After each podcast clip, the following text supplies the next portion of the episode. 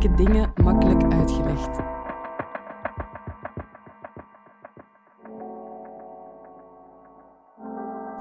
Dit is de podcast van Moeilijke Dingen Makkelijk Uitgelegd. Wie de wereld wil verbeteren, moet wel begrijpen hoe die werkt.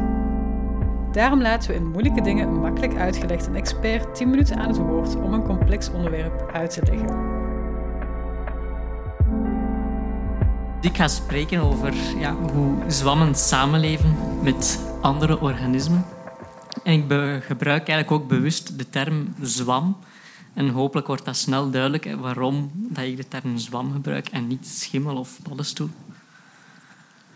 Um, maar vooraleer dat we daaraan beginnen, is het eigenlijk belangrijk om zo eens te gaan kijken naar ja, welke levenswijzen vinden we eigenlijk allemaal binnen die zwammen. Dus op welke manier gaan ze eigenlijk in ja, interactie met hun omgeving. Er zijn eigenlijk drie belangrijke levenswijzen. Namelijk, we hebben afbrekers. Dat zijn eigenlijk ja, een grote groep van zwammen die um, dood organisch materiaal afbreken. En we denken dan aan het afbreken van dood hout, uh, van bladafval. Um, die spelen dus eigenlijk een heel belangrijke rol uh, in onze natuur. Het zijn eigenlijk ja, de opruimers van onze natuur. Maar aangezien we het eigenlijk vandaag hebben over ja, samenleven, hebben we eigenlijk binnen de twee andere grote groepen een meer een directe link.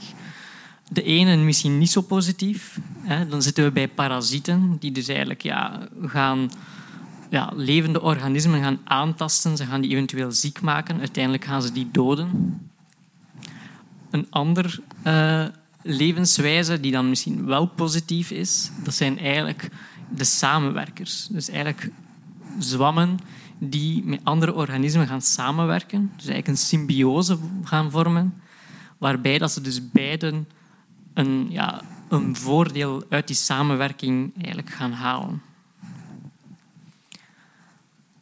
En eigenlijk die associatie, en we gaan dat hier vooral dan hebben tussen zwammen en planten, die associatie was eigenlijk voor de eerste keer in 1880 al uh, ontdekt. Um, een associatie tussen truffels, die we eigenlijk allemaal wel kennen als lekkere eetbare paddenstoelen, um, en levende bomen. En daar was de term mycorrhiza opgeplakt. Mycorrhiza, wat eigenlijk letterlijk zwamwortel betekent. En om dat een beetje te kaderen is het ook belangrijk um, om zo eens te gaan kijken naar ja, een zwam, wat is dat nu eigenlijk en wat zien we daar eigenlijk allemaal bij. Want die paddenstoelen, zoals we die eigenlijk ja, voornamelijk kennen, als je in het bos loopt en zie je paddenstoelen, we eten al graag paddenstoelen, um, maar eigenlijk is dat maar een klein onderdeel van het gehele organisme. En zo'n paddenstoel die wordt eigenlijk enkel en alleen gevormd om de sporen te verspreiden.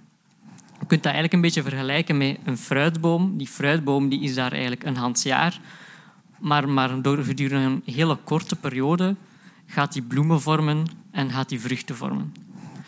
Bij een zwam is dat eigenlijk hetzelfde. Het organisme zelf zit in het substraat, we noemen dat de zwamvlok of het mycelium. Dat is er altijd, dat kunnen we niet zien. En die paddenstoelen ja, die worden eigenlijk maar gedurende een korte periode gevormd. Um, belangrijk daarbij is dat ook niet alle zwammen paddenstoelen vormen. Daarom gebruik ik niet de term paddenstoelen. Want bijvoorbeeld de schimmel die je ziet op je spaghetti-saus die je te lang in de frigo laten staan hebt, die zal nooit paddenstoelen vormen. En dan spreken we ook gewoon over schimmel. Um, dat mycelium, uit wat bestaat dat eigenlijk? Zijn een soort van langgerekte celdraden. Die kan je met het blote oog niet zien. En de diameter gemiddeld is dat een 4 tot 6 micrometer. Dus je hebt daar echt een microscoop voor nodig. Maar die groeien eigenlijk zo overal tussen of door. In de bodem, in hout, maar ook op heel veel andere substraten kunnen die eigenlijk gaan groeien. Die celwanden die zijn opgebouwd uit chitine. Dat is eigenlijk een stof die we bijvoorbeeld ook uh, terugvinden bij insecten. En paddenstoelen zijn dan ook meer verwant met dieren dan met planten. Dat is iets misschien dat niet iedereen uh, weet.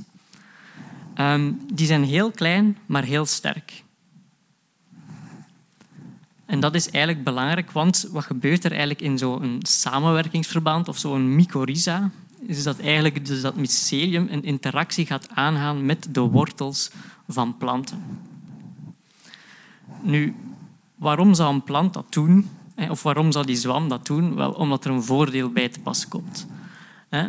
De planten die doen dan fotosynthese en die gaan suikers gaan vormen en die gaan die doorsluizen naar de zwam. En in ruil daarvoor krijgen zij eigenlijk water met daarin opgeloste nutriënten, dus voedingsstoffen. En je kan nu denken, ja, oké, voor die zwam is dat allemaal wel goed en wel, want die krijgt gewoon ja, eten. Die moet daar zelf niet voor zorgen. Maar die plant ja, die heeft toch ook gewoon wortels, die zitten ook in de bodem, dus die kan dat toch gewoon allemaal zelf opzuigen. Wel, die zeer fijne myceliumdraadjes die zijn veel efficiënter in het opnemen van water en nutriënten dan de relatief dikke plantenwortels. Dat betekent dus dat er gewoon een competitief voordeel is voor planten die mycorrhiza vormen tegenover planten die dat niet doen.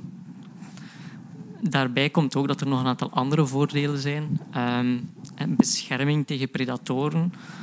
Uh, sommige fungi, die zwammen, die kunnen antibiotica produceren. Daarmee gaan ze eigenlijk beschermen tegen bacteriën die de plantenwortels aanvallen. Maar ook voor de waterhuishouding blijkt dat heel belangrijk te zijn. Er zijn studies die aantonen um, dat planten die wel een mycorrhiza-associatie aangaan, eigenlijk veel meer bestand zijn tegen droogtestress dan planten die dat niet doen. In onze huidige tijden van klimaatverandering en droogte is dat niet onbelangrijk voor het voorbestaan van bepaalde planten. En het is zelfs zo dat, dat wat we eigenlijk zien met die mycorrhiza, dat dat niet iets heel zeldzaam is, want 90% van onze landplanten gaat eigenlijk een soort van eh, mycorrhiza-associatie gaan aangaan. We hebben daar eigenlijk twee belangrijke, ja, of twee grote groepen in, afhankelijk van hoe dat die associatie gaat ontstaan. Eh, waarbij we vooral een onderscheid gaan maken tussen gaan die uh, zwammen met een celdraden gaan die de, de plantencellen gaan binnendringen, dus die celwanden binnendringen. En dan spreek ik over een endomycorrhiza. Of gaan ze dat niet doen en gaan ze gewoon tussen de plantencellen groeien en eigenlijk een soort van mantel eh, van zwamweefsel rond die worteltjes gaan vormen. Dan spreken we van een ectomycorrhiza. Die endomycorrhiza's daar zijn ook verschillende types in. Belangrijkste type, die arbusculaire mycorrhiza.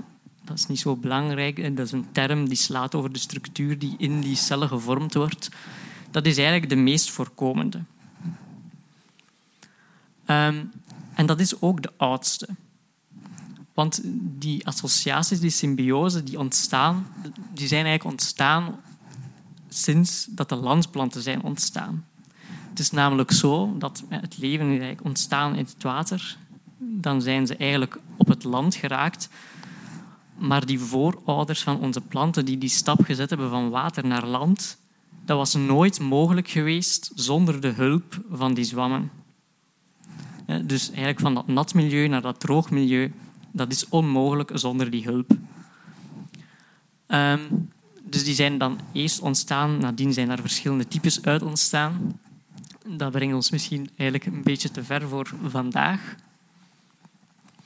Um, dan komen we eigenlijk bij het volgende, die arbusculaire mycorrhiza's. Dus die, dat eerst ontstaan zijn. Wat is daar ook zo bijzonder aan? Wel, de zwammen die daarbij horen, of die zwammen die dat doen, die behoren eigenlijk allemaal tot één klasse binnen de zwammen. Terwijl we zien dat bij die ectomycorrhiza's, dat dat eigenlijk veel meer verspreid is. En dan zitten we eigenlijk binnen verschillende groepen binnen die zwammen en dan ook vooral bij die typische paddenstoelvormende zwammen. Um, die arbusculaire mycorrhiza's, we kunnen die ook niet zien. dat zit in de bodem, dat zit in die wortels. We zien daar niets aan. Bij die ectomycorrhiza vormende, dat zien we wel. Zeggen, we zien die vruchtlichamen af en toe. Um, en dan komen we eigenlijk bij het volgende.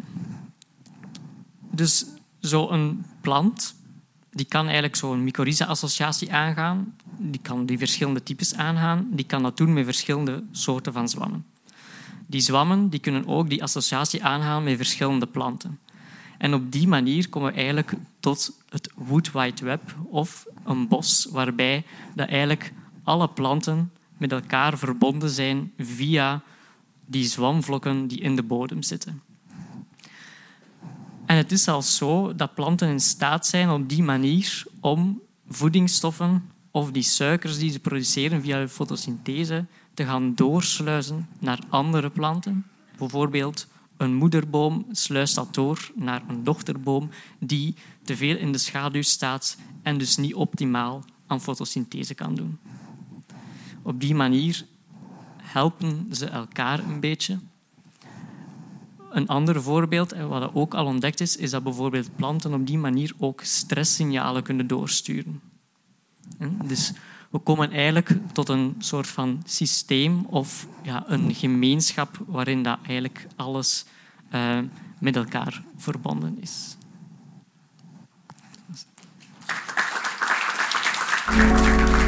Je luisterde naar Moeilijke Dingen Makkelijk Uitgelegd. Mijn naam is Selma Fransen en dit evenement organiseerde ik samen met Curieus, De Buren en Mo. Wil je graag reageren of een evenement bijwonen? Kijk dan op de Facebookpagina van Moeilijke Dingen Makkelijk Uitgelegd.